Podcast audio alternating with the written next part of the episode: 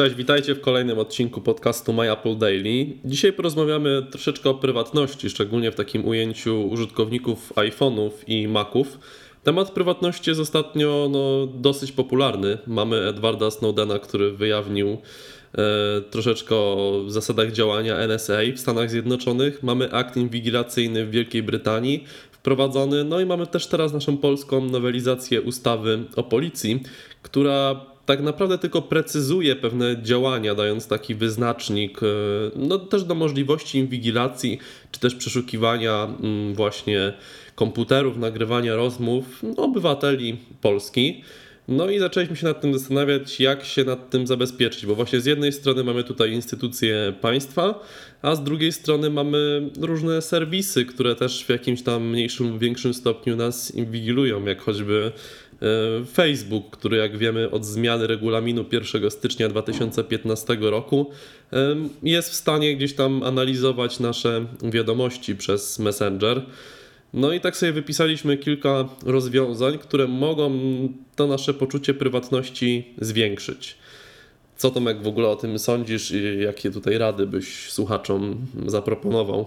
Generalnie ta ustawa jest, jest można ją brać e, jakby po, po, dwustronnie patrzeć, tak? Bo z jednej strony władze mogą się w jakiś sposób tłumaczyć, że to dla naszego dobra i, i, dla bezpieczeństwa naszego, tak? Ale z drugiej strony powiedzmy sobie szczerze, przeciętny użytkownik nie jest terrorystą. No nie jest no terrorystą, tak nie, chcia, nie, chcę, mhm. nie, chciałem używać tego, tego słowa, tak? że, że, nie jest terrorystą, ale po prostu nie jest przestępcą i, i może sobie nie życzyć, żeby mm, powiedzmy władze miały dostęp do, do, do naszych zdjęć chociażby, tak? gdzie no wiadomo, różne, różne tam rzeczy się mogą pojawiać, e, czy naszych wiadomości. E, tutaj bardziej taki, taka osoba na co dzień ma bardziej na sumieniu, nie wiem, jakąś tam zdradę czy, czy, coś, czy coś takiego niż, niż E, nie wiem, przesyłanie mm, informacji, jak skonstruować bombę, tak?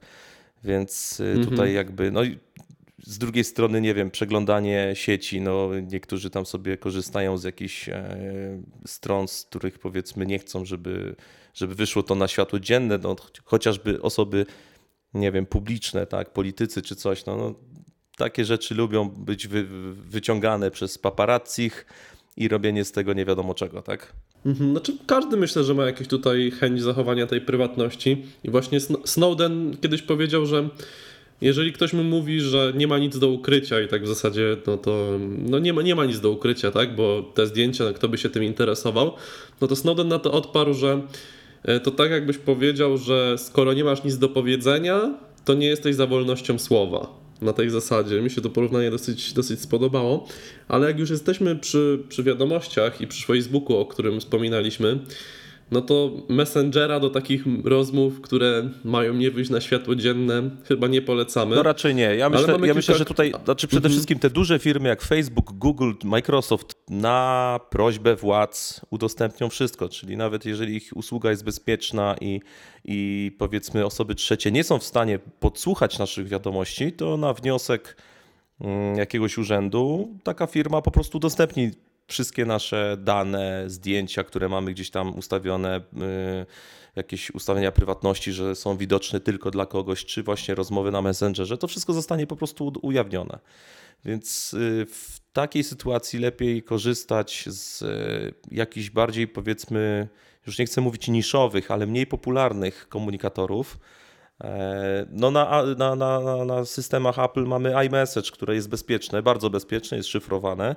Natomiast no tutaj jakby nie wiem jak Apple, nie słyszałem o przypadku, żeby Apple udostępniało takie dane, ale no jest to duża korporacja i może się zdarzyć tak, że nagle zmienią swoją politykę i to wszystko będzie jakby udostępniane. Ja osobiście na co dzień używam Telegrama. Ja tak samo. Jest, już go używam od dawna, już kilka, kilka lat, więc e, mhm. jego zaletą jest to, że działa, to jest taka jakby kopia WhatsAppa. WhatsApp wielką. Ja bym powiedział, że jest lepszy niż WhatsApp. To znaczy on jest, jest zrobiony na. Mamy, mamy wersję na tak, Maca. on jest zrobiony mhm. na, na wzór WhatsAppa. No bo WhatsApp zdobył tą popularność tą łatwością instalacji. Instalujemy, podajemy tylko numer telefonu, przychodzi e, kod i mamy konto jakby założone. E, WhatsApp stał się bardzo popularny, potem został wykupiony przez Facebooka, a w międzyczasie powstał właśnie Telegram. Z wyglądu, z zasady działania kopia WhatsAppa, natomiast tak jak wspomniałeś, jest lepszy.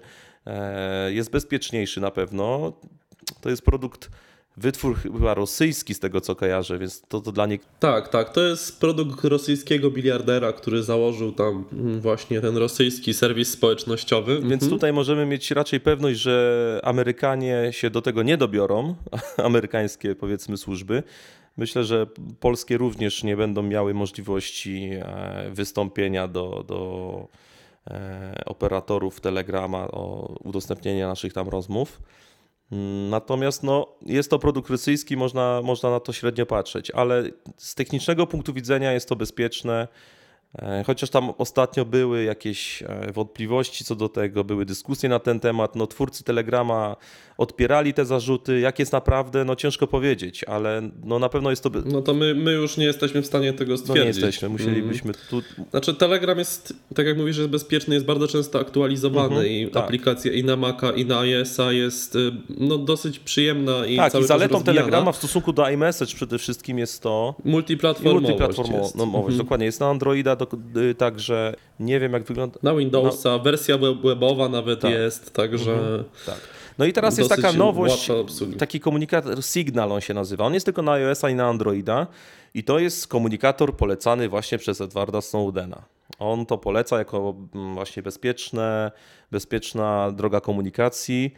Mm, ale czy to, na czym polega to jego polecanie? Czy, on, czy to jest faktycznie z jego strony uczciwe, czy to jest może jakaś zagrywka marketingowa, czy, czy on ma jakieś udziały w tym, czy ktoś mu za to zapłacił? Tego nie wiemy, ale Snowden poleca komunikator Signal.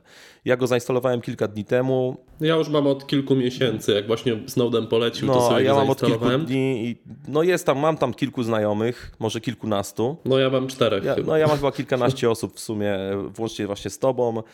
E, jedną osobę już namówiłem na to, także mm, no mam to na razie, ale to, to, jest, to jest zbyt... Mhm. Warto może mieć Znaczy warto mieć, warto wiedzieć o istnieniu. Tak, na przykład jak chcecie tak. przeprowadzić jakąś rozmowę, problemem tego jest, tajna, Problemem tego jest, że, można... że mhm. Signal jest tylko na iOS i na Androida na razie, a drugi problem jest taki, że mało ludzi go po prostu używa. No i że jest rzadko aktualizowany, ale przewaga nad Telegramem jest taka, że e, można z niego dzwonić. Tak, można dzwonić głosowo po prostu, tak.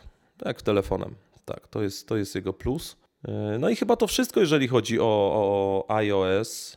Mm, to znaczy ja, ja to już nie, nie, ma, nie ma sensu używać nie wiadomo ilu komunikatorów, tak? Więc można powiedzieć, że, że iMessage taki podstawowy, myślę, że na podstawowym poziomie jest to bezpieczne. Dopóki Apple nie zacznie e, udostępniać tych wiadomości, no to jest bezpieczny iMessage. Może nie jest najbezpieczniejszy, ale jest bezpieczny. No i jako alternatywę to właśnie mówię, Telegram. Znaczy myślę, że na pewno jest bezpieczny ze względu, pod względem polskiego państwa, że raczej tutaj polski rząd do Apple nie ma co stosować prośb o jakieś no raczej nie, raczej nie. E, udostępnienie. Mhm. Mhm. Więcej możemy troszeczkę też powiedzieć o, o Macach, bo tam jakby też więcej możemy zdziałać przez specyfikę tego systemu.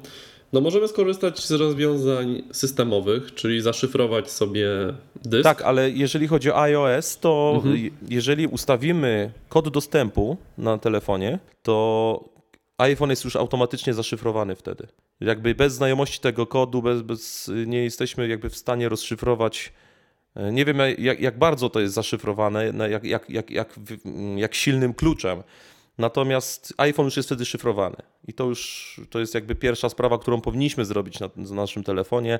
Zabezpieczyć go PIN-em. Oczywiście dla wygody dodajemy sobie Touch ID w nowszych telefonach, czyli nie musimy tego PIN-u ciągle podawać. Natomiast jakby to już daje nam e, bezpieczeństwo danych, które mamy na telefonie. Czyli nawet jak ten telefon zgubimy, i jeżeli on jest zabezpieczony PIN-em, to dane, które na nim są, można uznać, że są bezpieczne. Tak, nawet przez iCloud.com można sobie telefon wyzerować, jeżeli się Pod warunkiem, że telefon będzie... Tak, jest w zasięgu Tak, sieci. tak, ale ja nawet mhm. tego nie wyzerujemy, to się nic nie stanie, ponieważ on zabezpieczony PIN-em jest bezpieczny. Czyli Pierwsza sprawa, zakładamy PIN oczywiście na telefon, jeżeli chcemy, żeby nasze.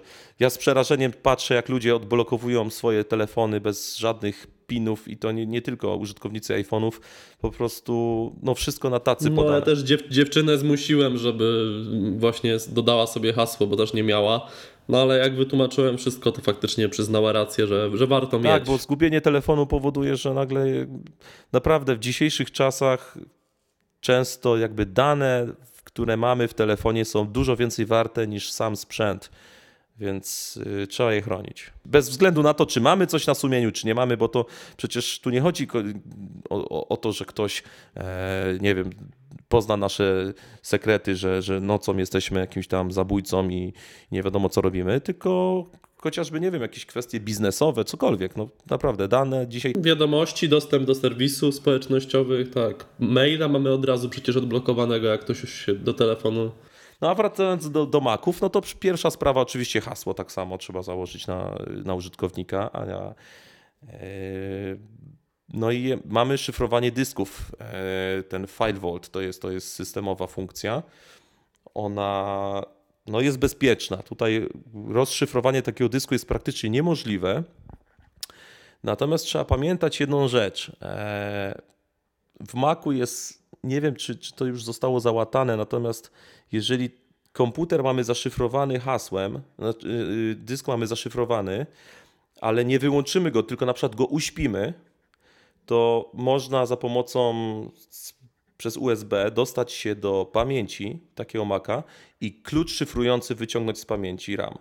I wtedy powiedzmy, taki, powiedzmy, nie wiem, wpada nam do domu, wpadają nam służby, zawijają nam komputer. Ten komputer nie był wyłączony, tylko na przykład uśpiony, to oni będą w stanie rozszyfrować ten dysk. Ale jest prosta komenda, ja ją podam e, w opisie tutaj do odcinka, którą jakby możemy bardzo szybko wyczyścić tą pamięć. Warto oczywiście też włączyć zaporę sieciową. Tak, to jest. To wszystko w preferencjach systemowych się robi. No, kwestia jednego kliknięcia, a nie odczuwamy jakiejś różnicy w codziennym użytkowaniu, bo przy szyfrowaniu dysku komputer troszeczkę dłużej się włącza. Ale zapora tak, ale przy, przy nowych komputerach, przy dyskach wygodę. SSD jakby mhm. nie ma to... Prawie bez różnicy, tak, to tak, prawda. Tak. To prawda. Mhm. Możemy też skorzystać no, e, z różnych VPN-ów. Mm, są wtyczki do przeglądarek, jeżeli chcemy na przykład podać stronie internetowej, że jesteśmy, no nie wiem, z Filipin. To są wtyczki, na przykład ja korzystam z wtyczki e, Hula e, do Google, do, do Google Chrome. Natomiast możemy też takie zabezpieczenie sobie ustawić na, na routerze. Są też różne rozwiązania płatne tego typu. Tutaj no, to jest sprawa już troszeczkę bardziej skomplikowana, ale jeżeli ktoś chce bardzo mocno tutaj zwrócić uwagę na, na swoją prywatność, na swoje bezpieczeństwo, no to też może się zainteresować tego typu rozwiązaniami. E, ty jeszcze, Tomek, wspominałeś też o różnych mailach i chmurach, które są no, bezpieczniejsze niż te, niż te popularniejsze, z których korzystamy. No tak, no znowu, znowu większość z nas korzysta z Gmaila. E, na co dzień i tutaj Gmail znowu, no to jest właścicielem jest Google i teraz... No ja bym się nie łudził, że tam... No właśnie, jest... no, to, to oni mają, mówię, usługa jest na pewno bezpieczna z takiego punktu widzenia, że, że nikt nam się nie włamie, taka zwykła osoba, ale wystarczy, że jakieś służby prawdopodobnie, najprawdopodobniej amerykańskie mają najprostszy dostęp do, do tych danych i Google to udostępni, tak? Więc tutaj jakby warto byłoby zainteresować się czymś, co jest szyfrowane, co jest bezpieczne. Tak? I tutaj, jeżeli chodzi o pocztę, to jest taka pro, poczta Proton, Proton Mail. Mail. dokładnie. To jest e, szwajcarski produkt. E, no i oni są uznawani za, tak, za takich najbezpieczniejszych, jeżeli chodzi o pocztę. A jeżeli chodzi o pliki, no to chyba taką najpo... mamy, najp... mamy Mega i mamy Spider Oak. Tak. I Mega chyba jest takie najpopularniejsze. Oni mają fajną ofertę, bo tam do 50 giga to nic się nie płaci, jest jakby za darmo. Mm, no, minusem takiej chmury jest, że jeżeli zgubimy hasło, zapomnimy go, to już się nie dostaniemy do naszych plików. Nie ma możliwości odzyskania hasła. E, także administratorzy Mega również jakby no nie mają dostępu do naszego konta, bo wszystko jest zaszyfrowane. E, no i klucz deszyfrujący jest jakby oparty na naszym haśle. Jeżeli tego hasła nie pamiętamy, tego hasła się nie da odzyskać, ponieważ po prostu nie ma fizycznie takiej możliwości, tak? bo jakby całe, całe szyfrowanie opiera się właśnie o tym haśle. Więc jakby dało się zresetować to hasło, no to nawet jak, nie wiem, powiedzmy wpadają służby do, do serwerowni Mega, biorą serwery i nie są w stanie bez naszego hasła rozszyfrować naszego konta. I to jest, e, myślę, bardzo fajna... Alter... Kluczowe. Tak, mhm. bardzo fajna alternatywa dla Dropboxa, który, który jest najpopularniejszą tego typu usługą. E, no i te 50 giga za darmo, no to to jest myślę wystarczające dla większości użytkowników. Tak, spokojnie, spokojnie, jak najbardziej. No więc to są takie porady z naszej strony, które teraz usłyszycie. Więcej przeczytacie w artykule, który będzie link do niego w opisie odcinka. No i ja myślę, że na koniec warto zaznaczyć, że to, o tą swoją prywatność mimo wszystko warto dbać i warto ją chronić. Tak, bez względu czy macie coś na sumieniu, czy nie, to warto tak, e, tak. czuć się bezpiecznie. E, I też myślę, że podlinkujemy w arty, artykule. Ja napisałem taki felieton niecałe dwa tygodnie temu, gdzie też troszeczkę poruszam e, ten temat. Też zachęcam do przeczytania. A my się słyszymy już jutro. Na razie.